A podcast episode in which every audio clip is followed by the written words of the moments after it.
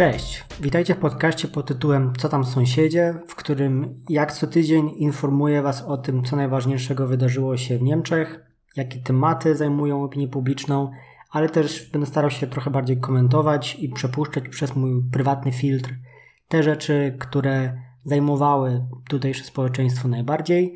Wszystkich tych, których interesują bardziej szczegółowe i bardziej codzienne informacje z Niemiec, zapraszam na mój profil na Instagramie, co tam sąsiedzie na którym codziennie umieszczam podsumowanie wydania niemieckich wiadomości i tam znajdziecie również trochę ciekawostek, memów, y, takiej polityczno-społecznej bieżączki, która pozwoli zainteresowanym trochę bardziej zorientować się w życiu tego kraju.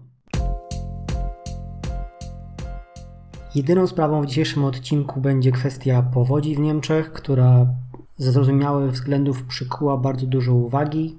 I mimo, że częściowo zapowiedziałem już na Instagramie bardziej przyziemne i żartobliwe tematy z Berlina, to przez powagę sytuacji i powagę tego konkretnego tematu wolałbym przełożyć to na później. Te tematy oczywiście wrócą, ale, ale dziś tylko o tym, co się zdarzyło i co może z tego wynikać oraz dlaczego powinniśmy przyjrzeć się temu, jakie mogą być następstwa tej powodzi w Niemczech.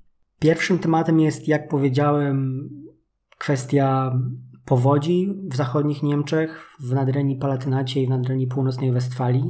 I chciałbym tutaj na początku skupić się na kilku statystykach, które być może też do Was dotarły, ale potem chciałbym trochę bardziej przejść do kwestii tego, jakie skutki mogą wynikać z tej powodzi dla niemieckiego społeczeństwa i co może się w Niemczech zmienić, ponieważ debata na temat tego, jak takich sytuacji uniknąć, tak, tak naprawdę już się zaczęła. Więc jeśli chodzi o statystyki, to na chwilę obecną jest niedziela 18 lipca, ponad 150 osób nie żyje. Jedno z najbardziej tragicznych grup, które poniosły śmierć w tej powodzi, jest grupa 12 pensjonariuszy i pensjonariuszek ośrodka dla niepełnosprawnych, którzy, których nie udało się uratować, którzy niestety utonęli żywcem.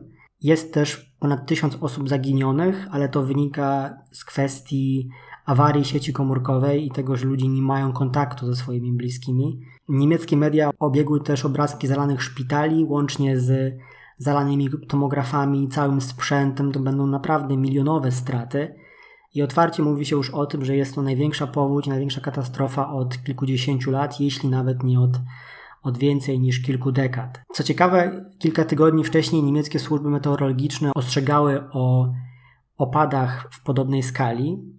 I wtedy asekuracyjnie zaczęto na przykład wzmacniać wały, odwołano część połączeń lotniczych czy kolejowych, ale ostatecznie do niczego nie doszło i w konsekwencji pojawiły się w społeczeństwie oskarżenia o panikarstwo rządu niemieckiego i też o ograniczanie wolności jednostek. A ten referent z kolei e, znamy tutaj w Niemczech z demonstracji antykoronawirusowych. Tym razem, zdaniem osób, które były poszkodowane w tej powodzi, ostrzeżenia wobec ludności były zbyt słabe. Nie, niewiele osób je usłyszało, a wtedy, kiedy woda się już pojawiła, było już na to za późno. Oczywiście, jak to zwykle bywa, w przypadku tej powodzi pojawiły się wielkie odruchy solidarności w społeczeństwie. Tysiące osób przyjechało e, własnymi samochodami wypełnionymi środkami czystości, produktami spożywczymi. Ludzie kupili je za własne pieniądze i przywieźli na miejsce. To są naprawdę bardzo budujące obrazki. Ale w społeczeństwie i w mediach trwa już także debata na temat tego, co można zrobić, aby poradzić sobie z taką sytuacją w przyszłości. I istnieje kilka powodów, przez które takie wydarzenia mogą się w Niemczech regularnie powtarzać. Pierwszym z nich jest to, że według naukowców nie do końca istnieje możliwość prognozowania nagłych opadów deszczu w takiej skali. Dodatkowo przeprowadzony w zeszłym roku w Niemczech test systemu ostrzegania, takiego alertu RCB lub czegoś nawet bardziej zaawansowanego, zakończył się katastrofą. Wiadomości o zagrożeniu docierały do ludzi z dużym opóźnieniem albo nawet wcale.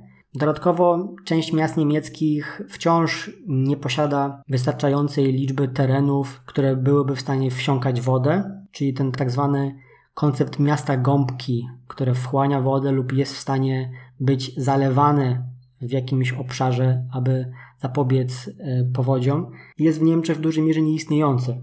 Istnieją pewne projekty pilotażowe, na przykład w Berlinie, gdzie wodę magazynuje się pod ziemią, stara się ją wykorzystywać na przykład do nawadniania, stara się czynić osiedla bardziej zielonymi, ale to nie jest może betonoza w polskiej skali, ale jest też niestety tak, że tych przestrzeni, gdzie woda może być spokojnie wchłaniana, także w Niemczech nie ma zbyt dużo. To jest druga rzecz, a trzecią rzeczą jest to, nawet czwartym punktem jest to, że jeśli chodzi o ochronę klimatu i na przykład kwestię pozyskiwania energii z bardziej ekologicznych źródeł, to w niemieckim społeczeństwie wciąż istnieje pewien, pewna niechęć lub to podejście not in my backyard, które powoduje, że chociażby wiele landów nie pozwala prawnie na umieszczanie wiatraków w odległości mniejszej niż 1000 metrów od ludzkich zabudowań, co tak naprawdę de facto uniemożliwia poważną rozbudowę źródeł energii odnawialnej i jest dużym kłopotem, jeśli chodzi o przyszłość wytwarzania energii w Niemczech. Także jest wiele instytucjonalnych i takich obywatelskich przeszkód, które powodują, że kwestia ochrony klimatu w Niemczech jest wciąż niezbyt rozwinięta, żeby nie wspomnieć tego, że Niemcy zdecydowali się na wyłączenie elektrowni atomowych i w tym momencie część tego wyłączonego potencjału energetycznego będą zastępowali elektrowniami gazowymi, co z punktu widzenia ochrony klimatu jest, jest czymś absolutnie horrendalnym i nie mającym żadnego sensu, ale było spowodowane paniką, w którą wpadła Angela Merkel po awarii elektrowni w Fukushimie w 2011 roku bodajże. Także Niemcy podchodzą do swojej transformacji energetycznej też w bardzo kontrowersyjny sposób i w żadnym wypadku nie są krajem, który mógłby zabiegać o miano jakiegoś pioniera w tej dziedzinie. Raczej powtarzają błędy lub tworzą własne indywidualne ścieżki najeżone wprost błędami. Ciekawym będzie jednak to, moim zdaniem, jak ta tragedia, ta powódź, rzecz w Niemczech od dziesiątek lat niewidziana, zmieni niemieckie społeczeństwo i co jeszcze bardziej ciekawe, jak zmieni preferencje wyborcze w wyborach do Bundestagu, które też wyłonią następca Angeli Merkel a te wybory są zaplanowane już na koniec września tego roku. I żeby tak nakreślić Wam obraz niemieckiej sceny politycznej w tym momencie, są trzy główne partie, które będą próbowały wygrać te wybory. To partia Merkel, czyli CDU-CSU, chrześcijańscy demokraci, socjaldemokracja niemiecka SPD y, z wicekanclerzem Olafem Scholzem na czele i Zieloni z jedyną kobietą kandydatką w stawce, czyli Annaleną Baerbock. I politycy teoretycznie odżegnują się od mówienia, że ta powódź może zmienić sytuację polityczno-społeczną i może przechylić szale głosów na stronę którejkolwiek z partii, ale kuluarowo dziennikarze mówią jak najbardziej już o tym, że to jest sytuacja, na której potencjalnie skorzystać może Partia Zielonych w Niemczech. Do tej pory Zieloni plasują się na drugim miejscu w sondażach ze stratą około 8-9% do CDU-CSU, to jest mniej więcej proporcja 28 do 20. I kampania do tej pory toczyła się, czy też była wypełniona mniej lub bardziej subtelną krytyką kandydatki zielonych, która moim zdaniem zbierała też trochę wciry z racji tego, że jest kobietą i wytykano jej na przykład problem z skopiowanymi fragmentami artykułów pracowych w jej książce bez podania źródeł, coś co teoretycznie według pewnych ocen uchodziłoby za plagiat, były też pewne nieścisłości, jeśli chodzi o jej wykształcenie, ale w takim ogólnym obrazie cywilizacyjnych wyzwań okazuje się, że program Zielonych, który właśnie ma największą wiarygodność, jeśli chodzi o kwestie mm, spraw klimatycznych i ochrony przed globalnym ociepleniem, teraz może zyskiwać.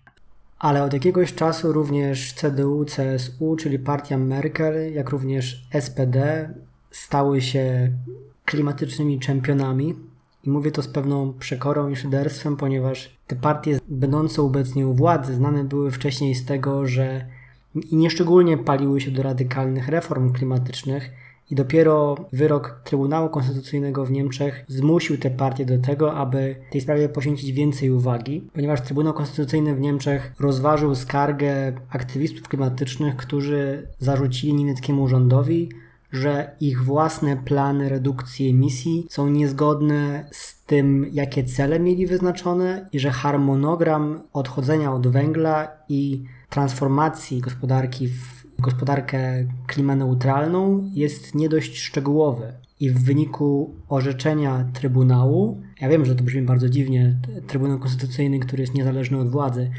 Dopiero w wyniku tego orzeczenia niemiecki rząd zdecydował się poprawić swoje plany klimatyczne i znacznie je zrewidować. Jeśli chodzi o faworyta sondaży, czyli Armina Lascheta z CDU-CSU, jest to człowiek, który jak wspomniałem, nazywany jest mini Merkel, człowiekiem, który będzie kontynuował drogę Merkel. Tą drogę można podsumować jako lata niespiesznych reform, zdaniem złośliwych, lata stagnacji. Jest to człowiek, który politycznie znany jest z tego, że potrafi wytrwać najbardziej trudne dla siebie czasy. W sytuacji, w której wszyscy w niego wątpią, on po prostu jakąś siłą zasiedzenia, siłą inercji przeczeka największe kłopoty. I ta niewątpliwa polityczna jakość, ta wytrwałość, którą on już wielokrotnie pokazał, w tym przypadku też bywa jego przekleństwem, ponieważ złapano już go na wypowiedzi po tej powodzi, w której powiedział, że z powodu jednego dnia, kiedy wystąpiła ta powódź, nie zamierza zmieniać swojej polityki. To nie jest element, który mógłby wpłynąć na jego, na jego decyzje i jego plany dotyczące ochrony klimatu. Poza tym, i to jest moim zdaniem rzecz o wiele gorsza, o wiele bardziej perfidna, przyłapano go podczas przemówienia prezydenta Niemiec w jednym z regionów poszkodowanych przez powódź. Przyłapano go rechoczącego w tle z powodu jakiegoś żartu, który opowiedział lub który mu opowiedziano. I Laschet zdążył przeprosić, ale zrobił to w stylu typowego non-apology, mówiąc, że przeprasza za wrażenie, jakie mógł pozostawić. Kończąc jednak ten portret niemieckiej sceny politycznej, chcę jeszcze powiedzieć szybko o sytuacji Partii Zielonych. Partii, która w międzyczasie znalazła się na drugim miejscu, jeśli chodzi o sondaże, ale przez lata była traktowana z dużym przymrużeniem oka, trochę jak polityczna abstrakcja, partia szurniętych ekologów i tak naprawdę dopiero w 2018 roku nastąpił dla zielonych przełom, ponieważ wtedy w Niemczech zapanowała susza i okres bardzo dużych upałów. W takim społecznym postrzeganiu klimatu wielu ludzi zrozumiało, że Niemcy rzeczywiście już teraz walczą z zmianami klimatycznymi i że ich skutki są widoczne dla rolnictwa, dla codziennego życia, dla tego, jak często seniorzy znoszą tego rodzaju zjawiska i właśnie od roku 2018 notowania Partii Zielonych poszybowały w górę, a teraz mają dużą szansę na to, żeby tworzyć niemiecki rząd po wyborach na koniec września. Sytuacja jest więc całkiem ciekawa, ponieważ Zieloni próbują nie robić polityki na kwestii tej powodzi, ale jednocześnie mogliby powiedzieć, no spójrzcie, mówiliśmy o tym od lat i wreszcie niestety dzieją się te rzeczy, o których naukowcy mówili i które my próbowaliśmy Wam wytłumaczyć. Będzie zatem ciekawe, czy wpadki kandydata CDU-CSU, cały ten rechot, całe te, cała ta niezdolność do rewizji swoich poglądów będzie miała wpływ na wyniki wyborcze. To może być dla Partii Zielonych szans na to, żeby się w sondażach odbić i może powalczyć jeszcze cały czas o pierwsze miejsce w, w wyborach na jesieni ale będzie to całkiem ciekawy czas, ponieważ z czysto komunikacyjnego i politycznego punktu widzenia będzie to interesujące, na ile partie będą próbowały na podstawie tej tragicznej powodzi złożyć jakąś propozycję społeczeństwu i co ona może obejmować. Tymczasem na dzisiaj to tyle. Bardzo Wam dziękuję za uwagę w tym odcinku. W kolejnych pojawi się trochę więcej tematów berlińskich, trochę też podsumowań tego, o czym mówi się w Niemczech w kontekście polskim. Zainteresowanych zapraszam do wizyty na moim Instagramie, co tam sąsiedzie. Tam pojawiają się różne memy, informacje, ciekawostki, ale przede wszystkim podsumowania niemieckich wiadomości. No i tyle. Dziękuję za dziś i do kolejnego razu. Trzymajcie się, cześć.